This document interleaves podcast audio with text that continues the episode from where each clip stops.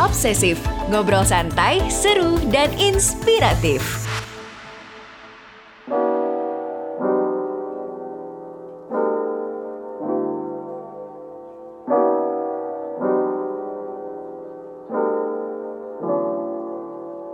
Halo teman obsesif, apa kabarnya nih?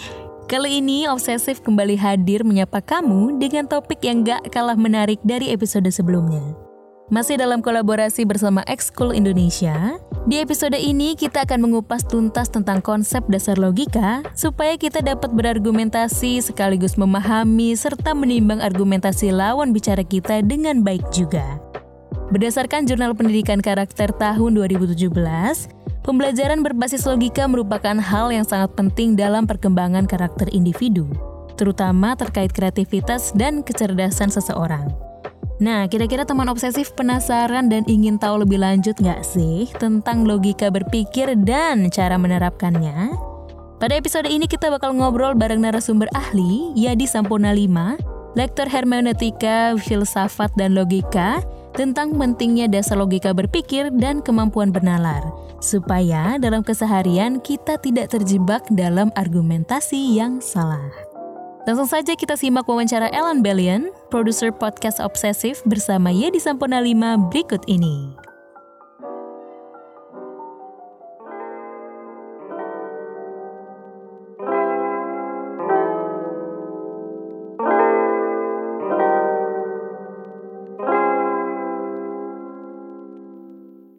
Halo teman obsesif, kembali lagi bersama saya Ellen dan kali ini menarik banget karena ini adalah episode kedua dari kolaborasi kita bersama Exco Indonesia. Dan hari ini kita udah kedatangan salah satu pengajar juga di Exco Indonesia, yaitu ada Kak Yadi S5 gitu. Halo, halo. Kak Yadi, apa kabar? Ya, halo Ellen. Baik nih, seru-seru aja. Mm-mm. Masih ngajar dari rumah atau udah ke kampus ya, Kak? Oh, masih, saya masih. Mm-mm. Online ya berarti? Online ya. Oke, tanya apalagi nih uh, kayak di mungkin selain ngajar atau gimana? Ya, saya ngajar, menulis. Kalau sedang akhir tahun begini ada banyak pekerjaan ini sih, conference dan segala macam. Webinar gitu-gitu ya? Ya, ya begitu. Hmm. Conference ilmiah. Gitu. Masih nulis buku juga nggak nih kayak di? Masih, masih, masih nulis buku. Sekarang yang lagi berproses ya. apa nih? Uh, yang lagi berproses itu ada beberapa paralel sih nanti deh. Oke, okay, ditunggu ya teman-teman obsesif yeah. ini berarti dan teman-teman ekskul gitu. Oke, okay, nah hari ini menarik banget karena kita akan ngobrolin tentang logika. Nah, ini kayaknya hal yang jarang disadari atau bahkan bukan obrolan mendalam ya dalam keseharian kita, tapi sebenarnya penting banget karena uh, dasar logika berpikir ini adalah salah satu kemampuan ber nalar juga supaya kita dalam kesehariannya nggak terjebak gitu ya uh, kayak di dalam argumentasi yang salah uh, misalnya dalam uh, segi pendidikan atau lingkungan kerja ma masyarakat atau bahkan obrolan sehari-hari gitu ya kayak di. Hmm.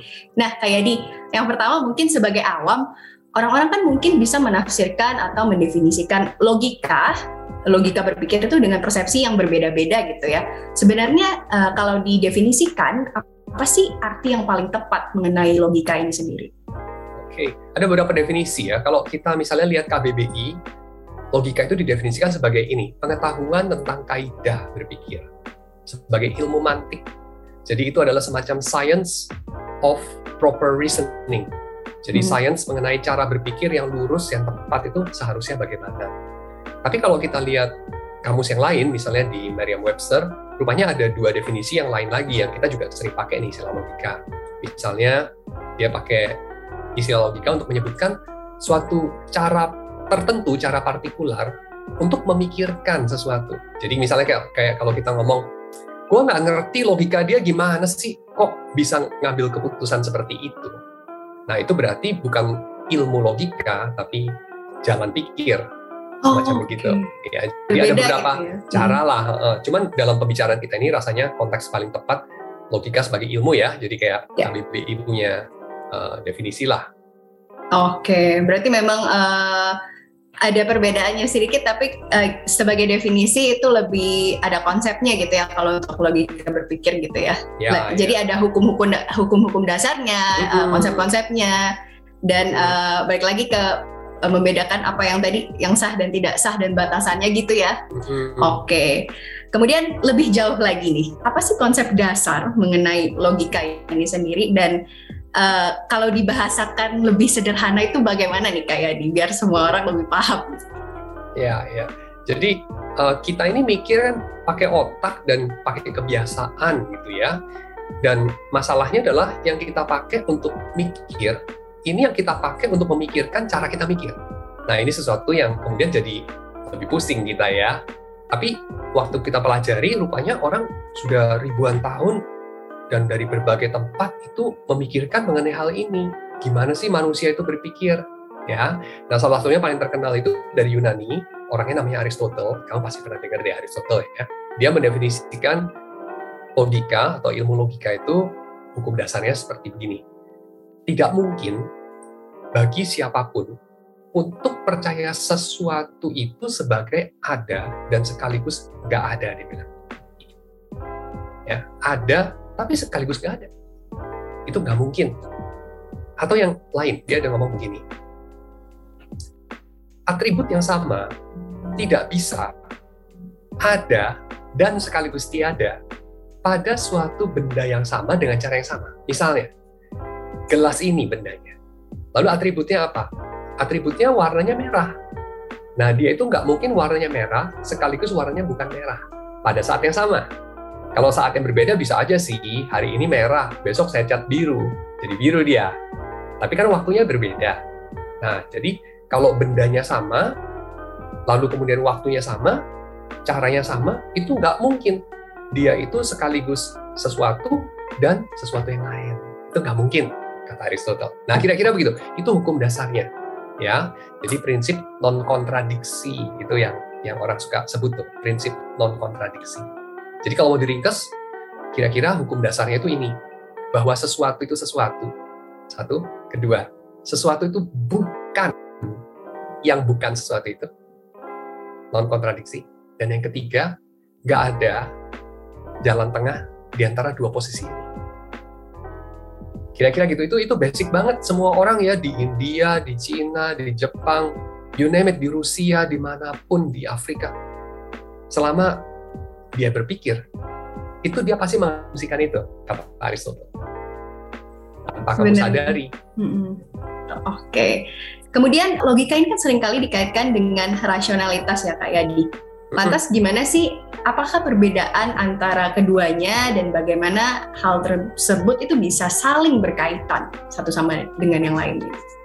Ya, jadi gini, rasionalitas itu bicara mengenai apakah kamu punya proses penalarannya. Apakah kamu bisa menyebutkan proses kamu sampai pada kesimpulan. Itu namanya rasionalitas. Kalau nggak bisa, ya itu namanya cuman baper, atau itu namanya cuman ya maunya saya begitu, gitu ya. Tapi kalau kamu bisa menyebutkan kenapanya, prosesnya bagaimana secara uh, rasional, itu namanya ada rasionalitasnya rasionalitasnya ini bisa salah, bisa benar, ya. Rasionalitasnya ini bisa valid, bisa enggak. Nah, logika itu ilmu yang mempelajari proses rasionalisasi itu, proses memeriksa rasionalitas satu argumen dan membedakan nanti mana yang sah, mana yang kagak sah. Kira-kira gitu ya. Jadi logika sama rasionalitas itu memang berbeda. Gitu. Logika itu mempelajari seberapa sahih proses penalarannya. Kalau rasionalitas ada apa kagak ada proses penalarannya itu aja. Jadi berbeda ya kalau rasionalitas ini mungkin juga ada hubungannya dengan perasaan kayak misalnya orang ngomong eh, feeling gue kayak gini nih gitu ya kayak di kira-kira. Hmm, nggak juga sih. Kalau Hmm. cuman feeling aja, cuman intuisi aja, Itu kan ya. ah itu mungkin bukan. Tapi mungkin Hmm. juga ada juga. Jadi in- udah ada intuisi, lalu kemudian dia cari-cari uh, apa alasannya, dia cari-cari rasionalisasinya. Nah itu bisa juga. Tapi Biar orang lain setuju itu gitu ya. biar orang lain setuju, biar Oh. kedengaran lebih meyakinkan. Tapi kalau logika itu Hmm. khusus mempelajari rasionalitas lu itu sahih apa enggak. Nah itu itu logika. Hmm, dari cara berpikirnya prosesnya seperti apa harusnya ada penjelasannya di balik itu gitu ya. Yang Ya, lebih rasional. Oke. dan penjelasannya itu valid nggak? Nah itu yang dia periksa tuh kalau sama logika. Gitu. Oke, okay. itu Bukan yang harus sekedar ada. kita tahu ya sebenarnya ini sahih atau enggak gitu sebenarnya. Oh, Betul. Eh, kita lanjut nih kayak di tadi kan kita udah bahas konsep dasarnya nih. Bagaimana sih kemudian caranya kita mengaplikasikan logika ini dalam kehidupan sehari-hari? Mungkin kita berinteraksi dengan orang lain eh, di sekolah, di pekerjaan atau dalam masyarakat sekalipun gitu. Ya, jadi gini, dalam kehidupan ini kadang-kadang orang tuh nanya sama kamu, kenapa begini, kenapa begitu, kok kamu bisa mengambil keputusan ini, kok bisa begitu. Lalu sudah kamu jawab, dia nanya lagi, kok bisa, kenapa harus begini kak? Terus kamu jawab lagi, terus dia nanya lagi. Biasanya anak kecil seperti itu. Nah, pada momen-momen di mana kamu harus memberikan akuntabilitas nih, bertanggung jawab terhadap keputusan kamu, dan juga jawaban kamu, dan posisi kamu, saat itu dibutuhkan logika. Nah, kamu pikir Hmm. deh, kapan sih orang ada dalam situasi itu? Saya kira ada banyak situasi ya, kita berada dalam situasi itu ya. Misalnya ya, saya kasih tahu, Soekarno pernah dalam situasi itu. Presiden kita yang pertama. Dia dipanggil sama satu badan persiapan kemerdekaan Indonesia. Waktu itu pemimpinnya adalah Dr. Rajiman Widyodiningrat yang diutus sama Jepang untuk mempertanyakan, untuk um, menghadapi para pemuda yang kepengen Indonesia merdeka. Lalu dia tanya pertanyaan yang simple, dasar negaramu apa nanti? Apa visi misinya? Nah, pada saat-saat seperti itu dibutuhkan logika. Ya, dibutuhkan nanti kamu harus bisa kasih jawaban, menjelaskan jawaban kamu, apa argumennya, apa buktinya. Ya. Lalu yang kedua juga, kamu memeriksa jawaban orang lain, teori orang lain. Misalnya nih belakangan kita banyak dengar teori konspirasi gitu kan. Benar. COVID itu bikinannya Bill Gates. Nah, kamu bisa tanya, apa tujuan dia? Dia mau lebih kaya jualan vaksin. Oke, kamu tanya lagi, memangnya dia dapat uangnya dari mana? Dari vaksin itu, misalnya. Lalu, benar, itu hanya bikinan. Dan seterusnya. Kamu bisa tanya terus. Dan pertanyaan apa kamu ajukan? Apakah kamu merasa perlu mengajukan pertanyaan? Itu semua yang diselidiki di dalam logika. Jadi logika itu kayak, kayak, kayak apa ya? Kayak pisau cutter. Kayak pisau cutter. Kalau pisau kamu tajam, kamu bisa berbuat banyak. Dan kamu tidak perlu keluar tenaga terlalu banyak. Dan irisan kamu rapi. Kalau cutternya tumpul, irisannya nggak rapi, tenaganya keluar banyak, kerjanya nggak bisa banyak. Kayak gitu deh. Jadi logika itu kayak pisau cutter sih, saya bisa bayangin. Hmm. Jadi uh, logika ini juga memang berperan banget ya dalam uh, keputusan-keputusan penting bahkan keputusan simpel sekalipun ya kadang-kadang gitu ya kayak di Hmm. mungkin dalam keseharian kita. Uh, mungkin kalau misalnya logika ini bisa dibilang pertanggungjawaban atas apa yang kita sampaikan atau uh, apa yang kita pikirkan dan kita utarakan ke orang lain gitu ya kayak di. Ya, jadi ini ilmu yang bisa dipakai untuk periksa pertanggungjawabannya orang lain, untuk menyusun pertanggungjawaban kamu, dan juga untuk kita berpikir secara umum, ya, menangkap apa yang ada di textbook misalnya, menangkap pelajaran di sekolah misalnya, untuk mengolah data dari penelitian misalnya, dan seterusnya dan seterusnya.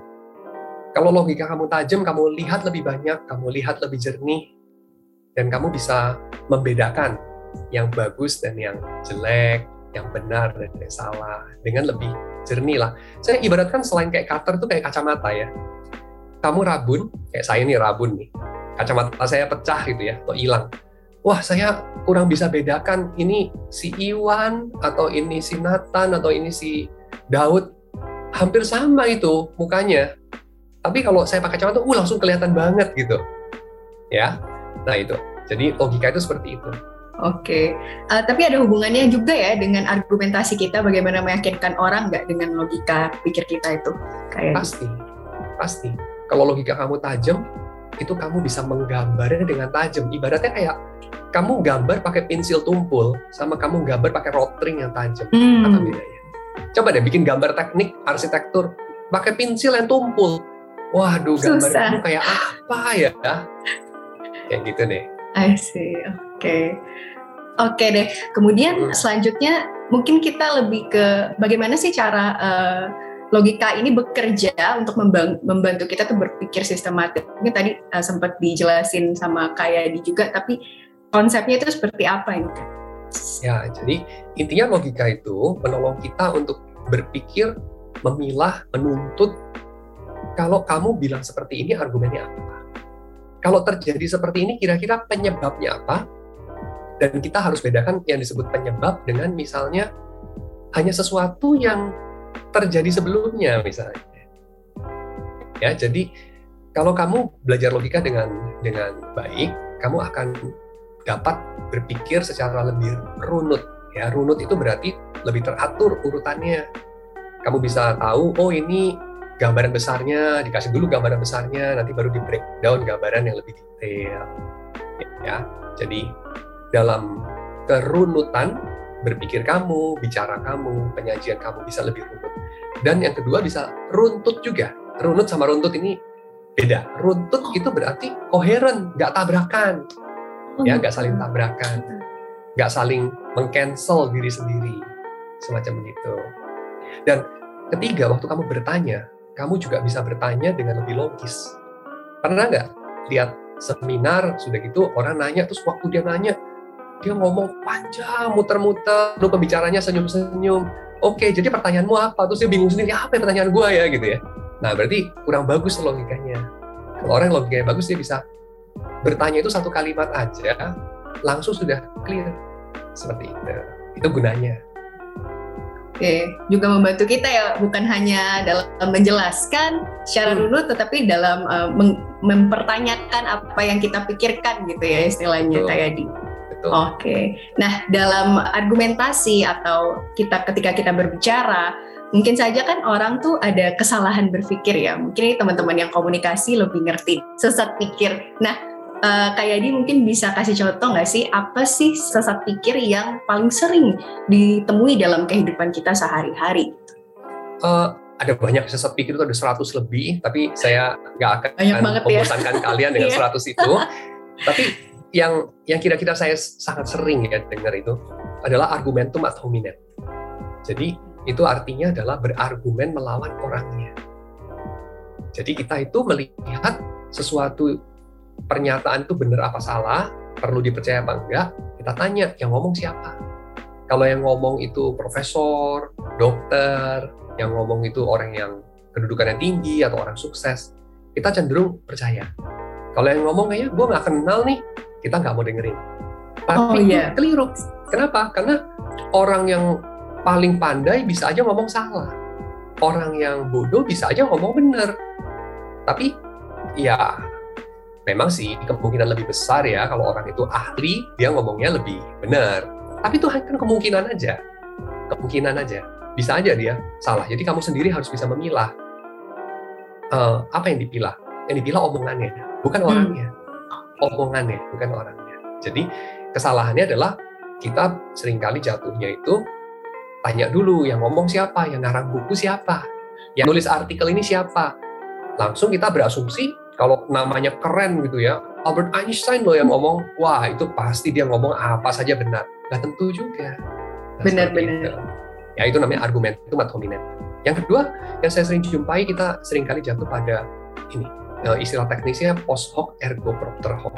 Itu artinya adalah bukan penyebab, tapi dianggap penyebab hanya gara-gara dia itu terjadi sebelum peristiwa itu atau sesuatu terjadi setelah faktor ini.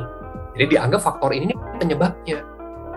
Misalnya ya, kalau tiap kali saya datang ke rumah teman saya hari hujan, terus dianggapnya gara-gara saya datang jadi hujan. Nah itu kan keliru. Faktornya kan bukan tentu saya. Ya, jadi ini sering kali kita kaitkan kalau ada korelasi sudah pasti itu adalah kausalitas. Korelasi itu satu hal, kausalitas itu hal yang lain. Nah, kesalahan membedakan itu orang sering sebut dengan istilah post hoc ergo propter hoc. Jadi dua hal itu yang paling sering gitu ya kayak di kayaknya memang hmm. dalam keseharian kita memang kayak gitu ya uh, bahkan uh, mungkin saya dan teman saya juga gitu. Oh itu yang ngomong kayak misalnya argumentum ad hominem tadi ya. Hmm. Uh, jadi memang orang yang punya posisi lebih tinggi atau memang ahli di bidangnya mungkin cenderung lebih dipercaya orang lain ya padahal belum tentu semua yang dikatakannya benar gitu ya cara menghindarinya itu seperti apa ya kayak di karena mungkin kalau kalau hal, dua hal ini kayaknya yang sering terjadi ya dalam keseharian kita. Saya kira yang paling basic itu adalah dengan kita punya apa ya sikap tidak sombong mungkin ya. Tidak sombong itu saya saya uh, kaitkan dengan kita bersedia mendengarkan orang lain kalau menyanggah kita dan tidak kita tidak tersinggung jadi kita uh, tidak apa-apa, apakah saya yang salah ataukah orang lainnya salah, itu sama saja. Jadi uh, saya kira sikap paling dasar untuk mengasah dan memupuk logika ini adalah dengan melihat diri sendiri itu tidak lebih penting dari orang lain, tapi juga tidak kurang penting dari orang lain. Saya dan kamu itu equal. Itu paling dasarnya. Dan akibatnya apa? Kalau kamu menyanggah pernyataan saya, saya akan wajib memberikan pertanggungjawaban saya wajib memberikan akuntabilitas saya. Ini loh alasan saya. Lalu ketika alasan saya disanggah, saya wajib juga untuk mempertimbangkan sanggahan itu. Tapi kemudian bukan kayak menerima-nerima aja, bukan. Tapi saya mengajukan. Menurut saya, eh, yang saya ajukan itu tidak bisa disanggah dengan begitu. Karena apa? Sebutkan alasan. Lalu kemudian orang lain menyanggah lagi, alasanmu tidak valid. Lalu saya harus mengatakan, menurut saya valid, tapi menurut saya valid karena ini. Jadi itu beranak pinah kemudian.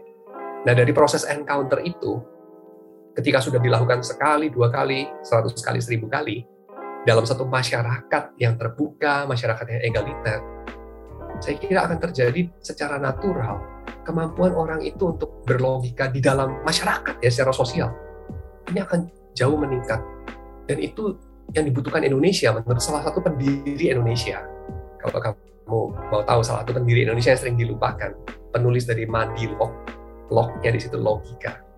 Namanya Tan Malaka. Tan Malaka. Tan Malaka. Kompas hmm. kayaknya pernah menulis lah pasti. ya harusnya ada sih. Iya pasti okay. ada. Ya. Jadi memang harus diawali dengan uh, rendah hati dan uh, mengurangi ego juga ya untuk mau menerima bukan menerima ya maksudnya mempertimbangkan sanggahan dari orang lain gitu dan mempertimbangkan dengan apa yang menjadi prinsip atau sanggahan kita itu sendiri ya kayak di baru nanti kita bisa berpikir dengan lebih runut dan runtut tadi gitu ya. Betul, betul. Jadi intinya bukan saya, bukan kamu, tapi pembicaraan kita yang paling penting itu kebenaran. Bukan hmm. saya benar, bukan kamu benar, bukan saya salah, bukan kamu salah. Itu nggak gitu penting. Yang paling penting adalah kita tahu yang benar. Benar. Waktu kita tahu yang benar, eh ternyata saya yang salah. Doesn't really matter. Saya tinggal hmm. rubah. Eh ternyata saya tahu kamu yang salah. Seharusnya doesn't really matter, kamu tinggal rubah. Kan gitu aja. Hmm. Atau kita tahu kita sama-sama bodoh, doesn't really matter. Diubah aja. Hmm. Jadi bukan nah, kira-kira logika itu mendorong ke sana. Bukan buat senjata untuk menyalah-nyalahkan orang lain hmm. ya intinya. Exactly. Bukan. Oh, Oke. Okay. Namanya manusia yang mungkin ngarahnya juga ke sana kadang-kadang ya uh, untuk hmm. uh, membenarkan diri sendiri pada akhirnya harus menyalahkan orang uh, argumen orang lain gitu padahal belum tentu dia benar gitu kan ya. Ya, Baik. Ah, ya, ya, ya, ya. Dan itu salah satu daripada bias kognitif yang di garis bawah sama Daniel Kahneman ya, mm -hmm. yaitu confirmation bias. Orang itu lebih suka mencari-cari bukti gue tuh bener. Dan itulah permulaan dari kebodohan. Waduh. Tapi memang iya kebanyakan uh, bukan kebanyakan ya maksudnya ada pasti orang yang uh, berpikir seperti itu tanpa disadari yeah. gitu ya. ya Oke, okay. menarik menarik banget nih. Nah, ketika kita terbiasa menggunakan logika dalam berpikir ya kita uh, lebih runut lebih runtut dalam menyampaikan argumen kita gitu bagaimana sebenarnya pengaruhnya terhadap perkembangan karakter diri kita sendiri gitu atau manusia secara umum ya ya ya. Uh, pengaruhnya di sini sih kamu jadi terbiasa untuk melakukan apa yang saya kira ini cukup universal ya satu aturan moral yang paling dasar yaitu lakukan pada orang lain seperti kamu sendiri ingin diperlakukan. Dan jangan lakukan kepada orang lain suatu hal yang kamu sendiri tidak mau diperlakukan begitu. Ini kan salah satu aturan moral paling dasar. Dan saya kira moralitas salah satu bagian dari karakter. Kan, kata Aristotle, karakter itu sesuatu yang kita tuai ketika kita mengulang-ulang satu kebiasaan, kan begitu. lalu kita menuai karakter. Nah, jadi apa pengaruhnya logika sama karakter dalam hal ini? Ketika kita terbiasa akuntabel terhadap kebenaran, dan kebenaran itu bukan saya, bukan kamu, bukan dia, bukan mereka, bukan kami. Kebenaran itu kebenaran. Begitu. Bisa saya suka, bisa saya nggak suka, bisa saya rugi, bisa saya untung. Itu urusan lain. Tapi benar itu benar, salah itu salah. Nah, belajar logika, saya kira itu menolong kita seharusnya menolong kita untuk menghargai kebenaran lebih dari saya, lebih dari kamu, lebih dari kami, lebih dari kita, lebih dari siapa saja. Seperti itu dan dan itu membawa kita ke arah yang baik sih menurut saya. Membawa kita ke arah yang baik. Karena kebenaran itu kan tidak kompromi ya. Misalnya kebenarannya nah. kalau saya makan tiap hari sate kambing satu kilo gitu ya, lalu nggak olahraga, saya kira itu resep cepat untuk bertemu Tuhan gitu. Dan itu sesuatu yang itu sesuatu yang apa ya nggak uh, saya bisa suka saya bisa nggak suka. Benar. itu nggak berubah. Itu nggak berubah loh. So uh, kalau kita mau kaitkan logika dengan karakter saya kira ya di sana. Kita nerima kita ini manusia saja. Banyak hal tapi kita bisa tahu dan banyak hal kita bisa jadikan lebih baik kalau kita sesuaikan dengan yang kita tahu dan dan di situ kita belajar karakter kita terasa ya. Saya kira jadi orang yang lebih baik lah ya.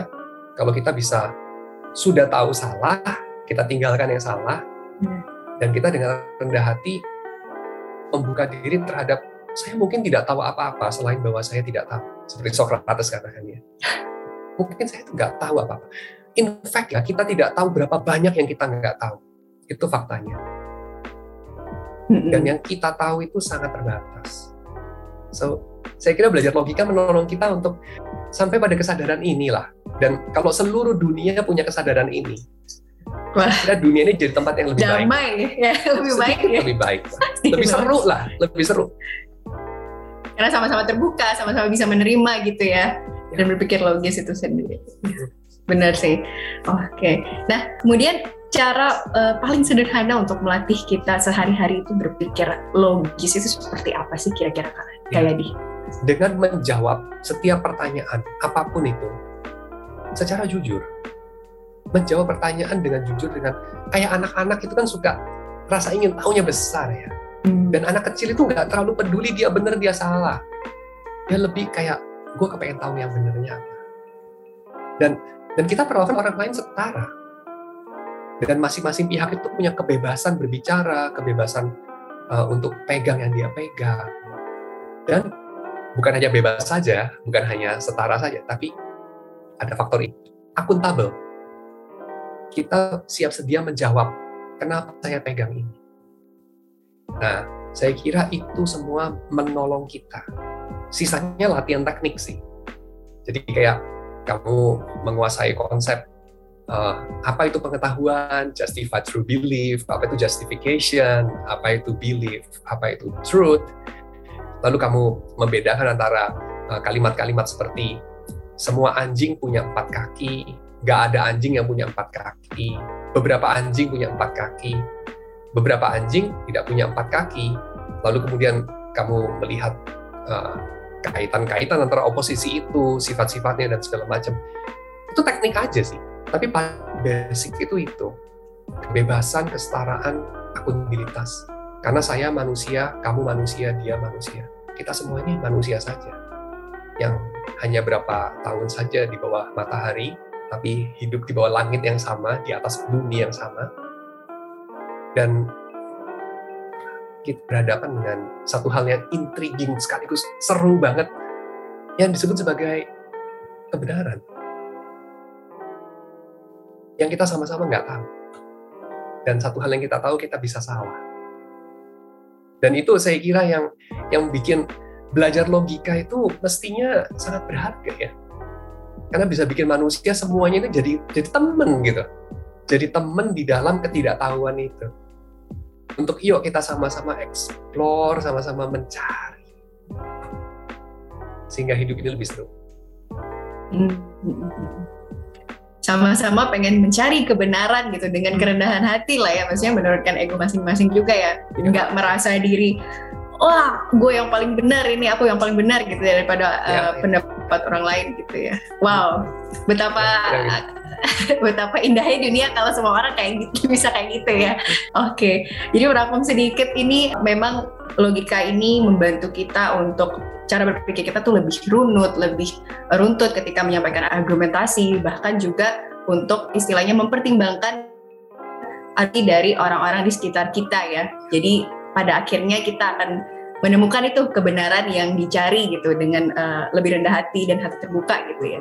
Jadi memang kalau tadi kata Kayadi uh, kebebasan dan kesetaraan serta akuntabilitas itu yang bisa mengondisikan seseorang untuk jauh menjadi uh, lebih logis ya. Oke. Wah, sayang sekali pembicaraannya sampai di sini dulu karena yang lebih menarik lagi kalian harus ikut nih kelasnya Exco Indonesia bareng Kayadi yang membahas lebih dalam tentang logika ini ya. Gitu. Daftarnya bisa di exco.net nah terima kasih banyak Kayadi untuk obrolan kita yang seru banget hari ini. Dan semoga teman-teman juga jadi lebih sadar ya betapa pentingnya berpikir secara logis dan rasional gitu. Oke terima kasih banyak ya Kayadi Ya, sampai ketemu di lain waktu. Ya, sampai ketemu.